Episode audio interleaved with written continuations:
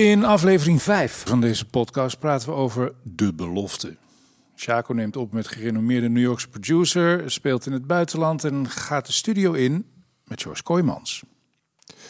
Het gaat lekker met de band. De agenda staat vol. Een bijverschijnsel is dat jullie afzonderlijke namen nu ook in diverse polls verschijnen. De beste gitarist, de beste drummer, beste bassist. Wat deed dat met jullie? Ja. Ja, voor mij was het heel apart, want ik heb dat eigenlijk altijd heel belangrijk gevonden. Ik wou ook heel graag een, een sponsordeal, een endorsement zoals dat heet. En ik was er al heel lang over in onderhandeling met Tama en Zildjian en een kofferfabriek en met Remo-vellen. En, um, en ik, maar ik had al mijn favoriete kit, de Brady kit, die ik in New York gekocht heb. Een heel verhaal apart. Maar die, um, dus ik zei steeds, ja jongens, uh, make me an offer I can't refuse. En... Uh, dus ik had zo mijn eisenpakket. Ik wou eigenlijk dat ze me Brady nabouwden. En daar was zij dus eerst, ja, dat doen we ook voor Simon Phillips niet. En, uh, nou ja, oké, dan doen we het niet. En een paar jaar later was het, uh, Jaap, we gaan het doen. Tama gaat die Brady voor je nabouwen. En wat zou je dan willen? Ik zei, nou, doe mij maar een zwart drumstel. Nou, maar we hebben eigenlijk een veel duurder. Ze waren per se dat ik op het duurste spul ging spelen. Nou, oké, doen we dat. En ik had een lijstje opgegeven met wat ik dan graag zou willen hebben. En ik heb nog ergens foto's van dat die vrachtwagen voor kon rijden. met echt alle maten toms die je maar kan verzinnen. Bassdrums, echt... Uh, die ik samen met mijn toenmalige drumrode Jan van Oldenmark heb uitgepakt en opgesteld. En een beetje giechelend als een stel qua jongens met al die meuk aan de slag zijn gegaan. En uh, ik had bereikt wat ik bereiken wou. En kwam toen tot de vreemde conclusie dat dat helemaal niet was wat ik bereiken wou. Want ik had eigenlijk al bereikt wat ik bereiken wou met mijn Brady drumstel. En dat. Uh... Dus ik heb in die tijd ook een beetje een soort hoer gevoeld. En ik heb niets tegen hoeren, laten we dat even gezegd hebben. Integendeel. Maar um, me een hoer voelen op een drumstel, dat, dat, dat vond ik best ingewikkeld. Ja. Want ik vond het ook wel, ja, het was part of the deal. Dus ik, ik speelde echt altijd op die kit, ook in de studio. En het was een fantastisch drumstel, ik kan niet anders zeggen. Maar mijn echte liefde lag bij de Brady. Tot op de dag van vandaag. Maar ondertussen, uh, je naam verscheen in de polls. Uh, redelijk hoog ook. Ja. Uh, Cesar Zuiderwijk stond misschien boven je, want die was beroemder. Altijd. Maar dat, dat, die polls werden vaak samengesteld door collega's ja. en, mensen uit de media. Ja, daar was ik, daar was ik op zich uh, heel trots op. En mijn vader zei toen ook wel: Jongen, jij komt er nog wel een keertje. Dacht ik, godverdomme man, ik ben er toch al. Of, uh, maar goed, uh, ja. Hij heeft het nooit begrepen, geloof ik. De schat van de man overigens. Maar uh, ja, het is een beetje... En dat, dat is misschien ook wel het Toto-verhaal. Want in Toto spelen altijd de beste drummers van de aardbol. Uh, je komt in een soort muziek is een wedstrijd terecht. En uh, dat heb ik wel in die tijd zo gevoeld, ook als drummer, als muzikant. Maar het is helemaal geen fijn gevoel. Als je dan clinics deed uh, voor, die, en, voor dat endorsement. Ik, op een gegeven moment voelde ik een soort aapje worden die in een soort trucendoos met heel veel solo's. En, en, uh... en ik vind zo leren nog steeds heel erg leuk, omdat, ik, omdat het je op nieuwe ideeën kan brengen. Of in een soort interactie met het publiek. Dat je een soort waarachtigheid in je spel ontwikkelt of zo. Maar ik wil niet een aap zijn die een truc doet. Uh... Want dan ben je ook niet meer met muziek bezig. Dan ben je met, met uh, oh kijk mij eens te gek zijn bezig. En dat is eigenlijk een hele slechte muzikale motivatie. Maar dat ging op een gegeven moment best een rol spelen, heb ik het idee, bij uh, mensen die Chaco zagen en hoorden. Uh, dat het muzikantschap op een ongelooflijk hoog niveau lag, ligt, nog steeds. Nou, ja, jullie zijn nu stokoud, dus dat zal ongetwijfeld... jullie hebben jullie moeten Het in, gaat in- nu moeten- allemaal lekker moeizaam, maar dat klinkt ook wel heel eh, goed. Maar en, als ik- ik en zit, het komt eh, vanzelf weer eh, los natuurlijk. Ik zit regelmatig in mijn huis in Frankrijk nog naar Livewire te luisteren bijvoorbeeld. En dan met een glaasje wijn erbij. Dan denk ik, jezus man, doe eens even rustig, joh. Ja. maar dat bedoel je... brallend, brallend ego. eh, en met name voor mezelf hoor. Want ik ben ook wel heel erg trots op die plaat. Want ik, vind het, ik, vond, het, ik vond met Shores werken fantastisch. En we waren toen wel. Ja, misschien wel op ons best. En ik vind die plaat ook best goed klinken. En we, en we hebben het allemaal hartstikke goed gespeeld. En daar heb ik ook wel het geheim van onze sound ontdekt. We gaan altijd. Thijs die overal achteraan kakt. En ik die overal vooruit jakker.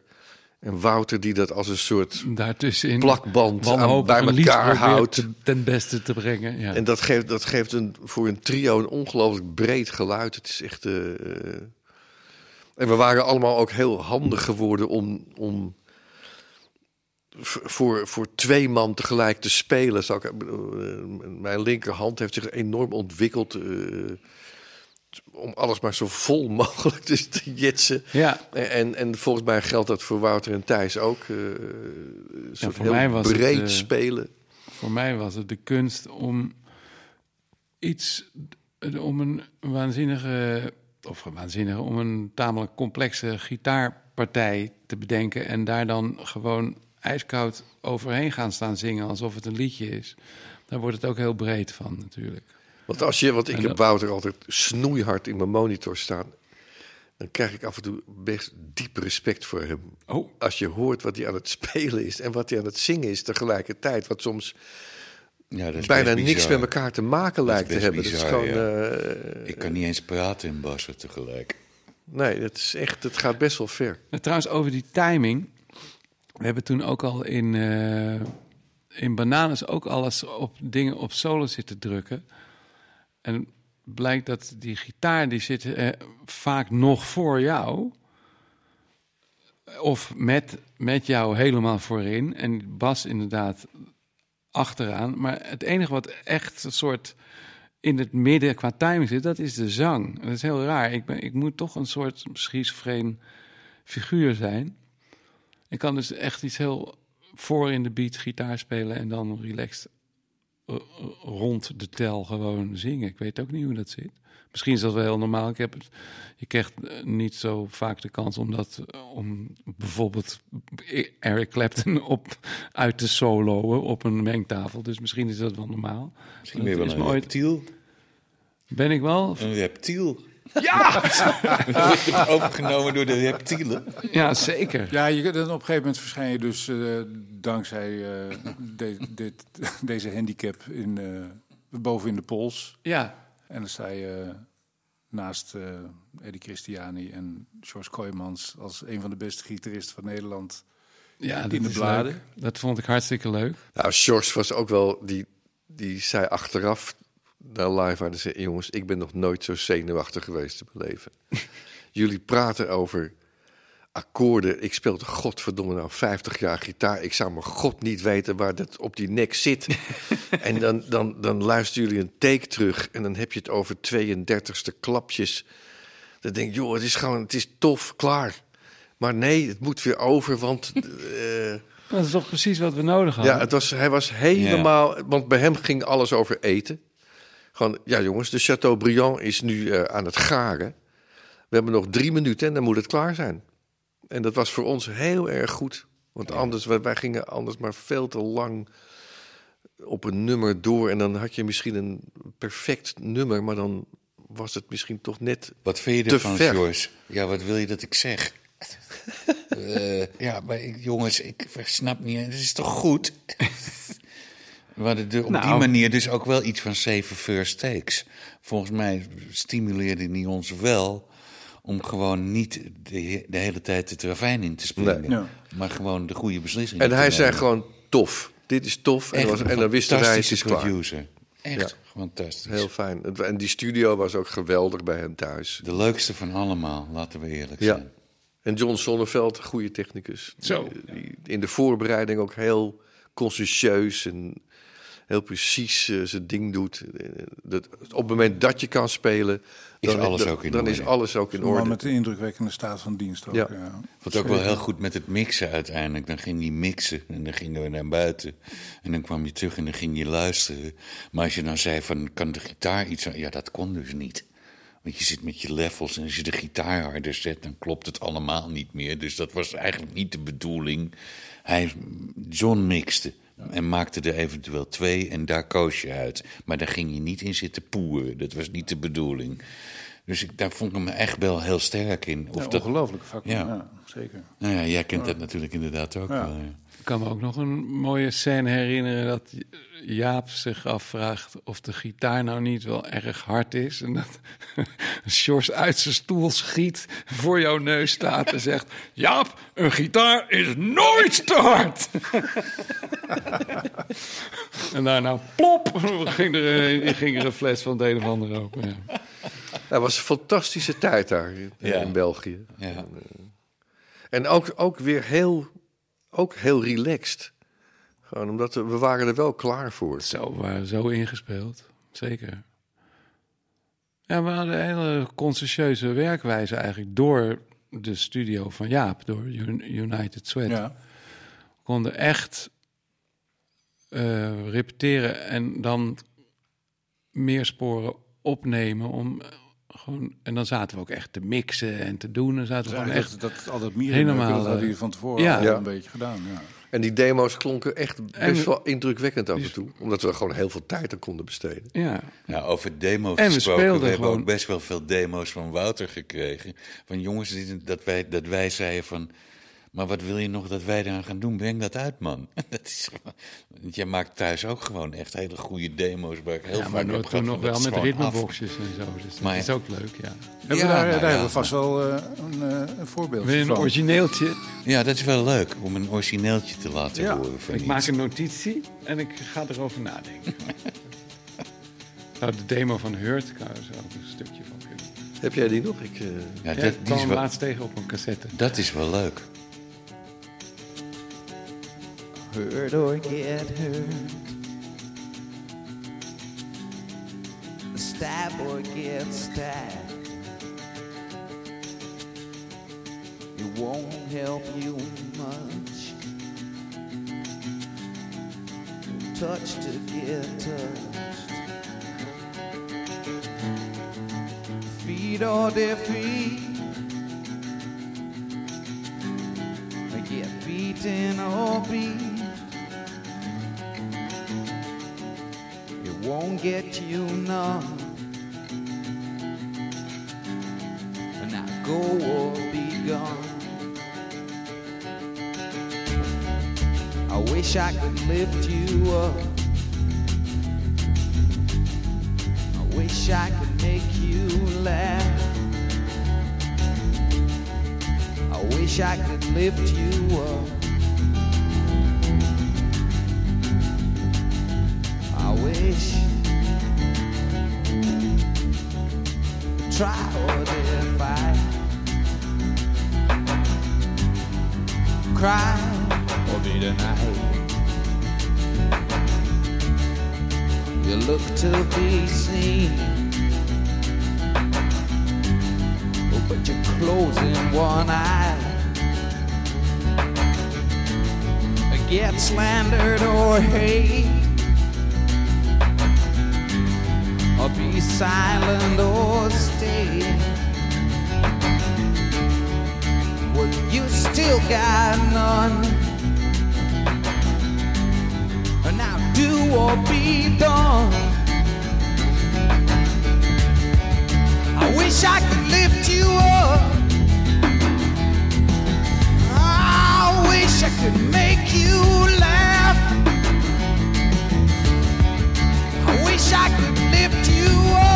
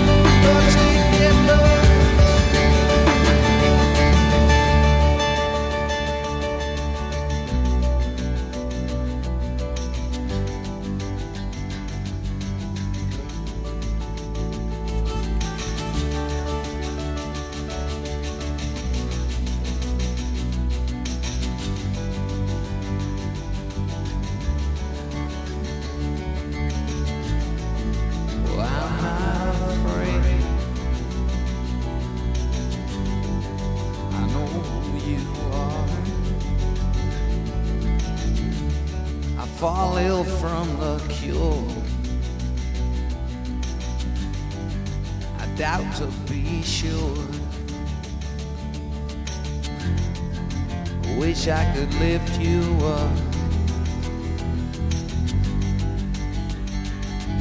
I wish.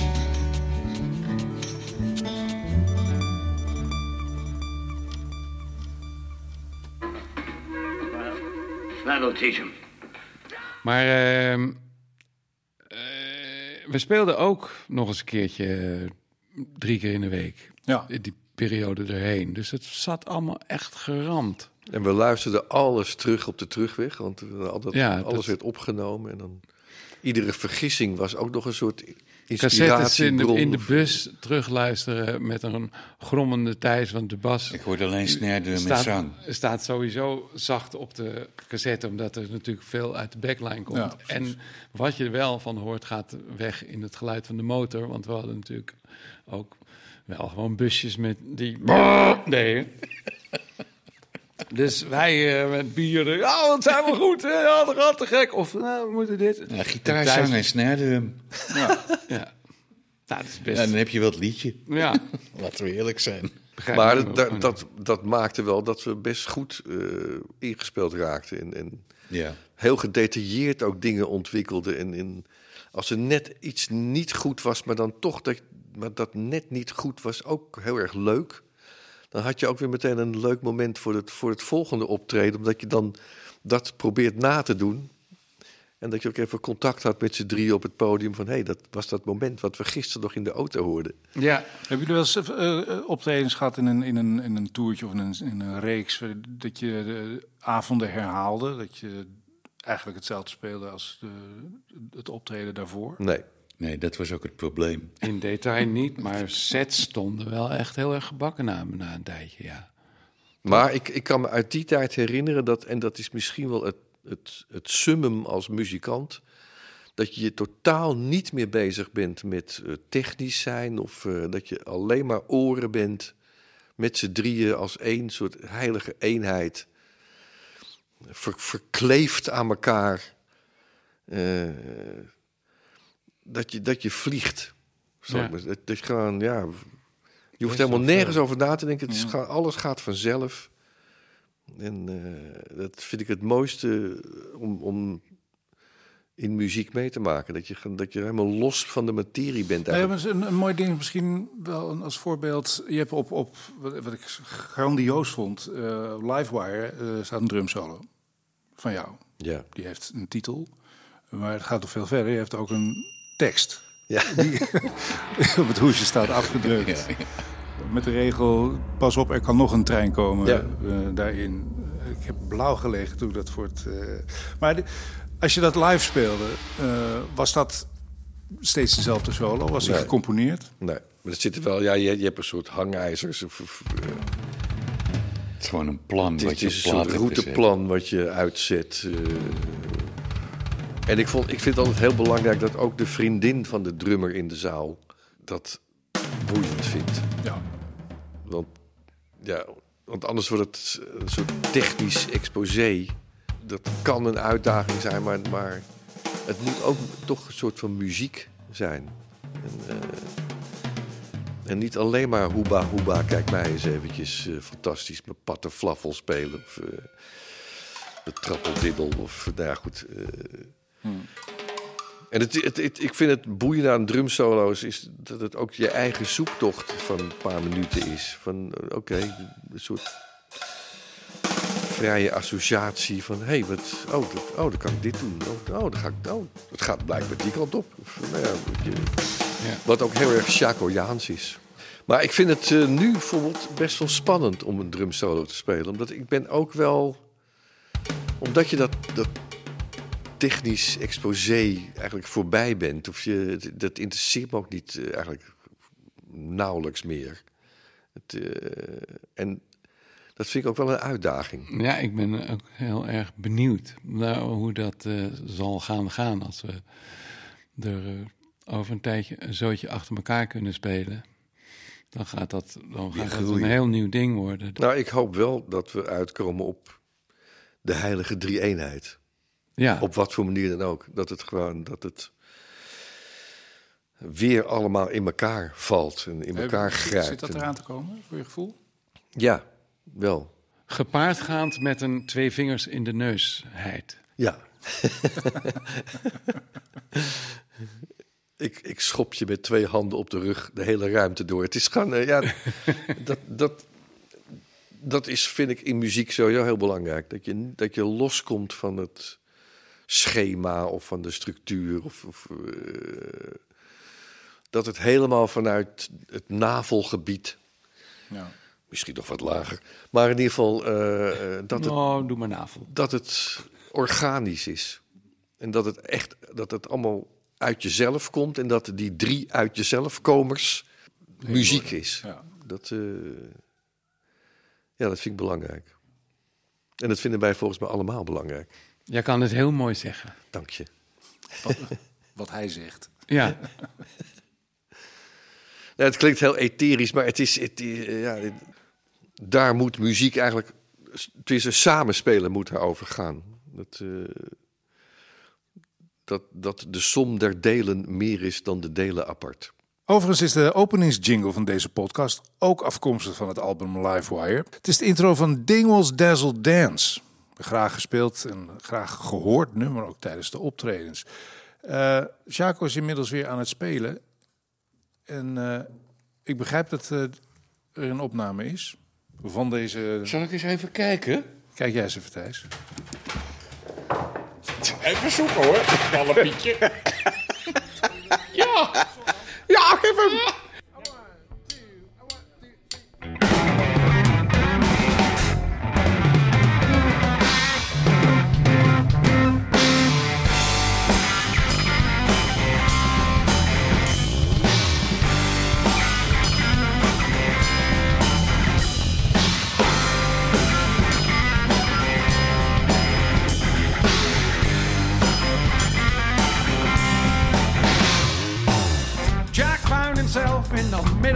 Traffic circle with arrow-shaped cufflinks. They were pointing skyward. There's a few different roads coming in and only one highway out.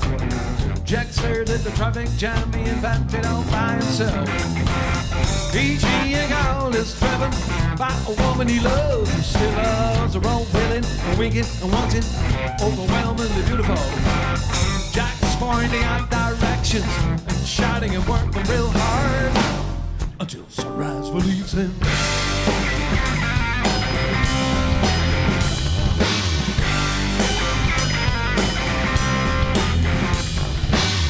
Matthew started sandpapering his windowsill about five years ago. Still playing with the pattern book of colors every night. In his head, no as beautiful as this one frame. Painted by light of the moon. He'll be ready when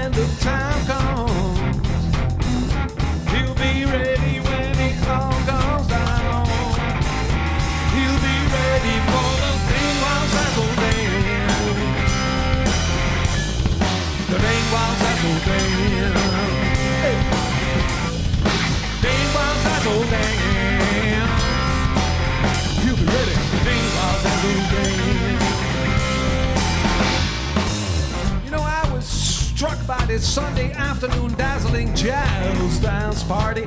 Blew my mind in every possible and impossible way. And now I'm stuck right here, caught up in a fight with these lines. I'm trying to tell you, I'm trying to tell you, I'm trying to tell you, tell you what it's.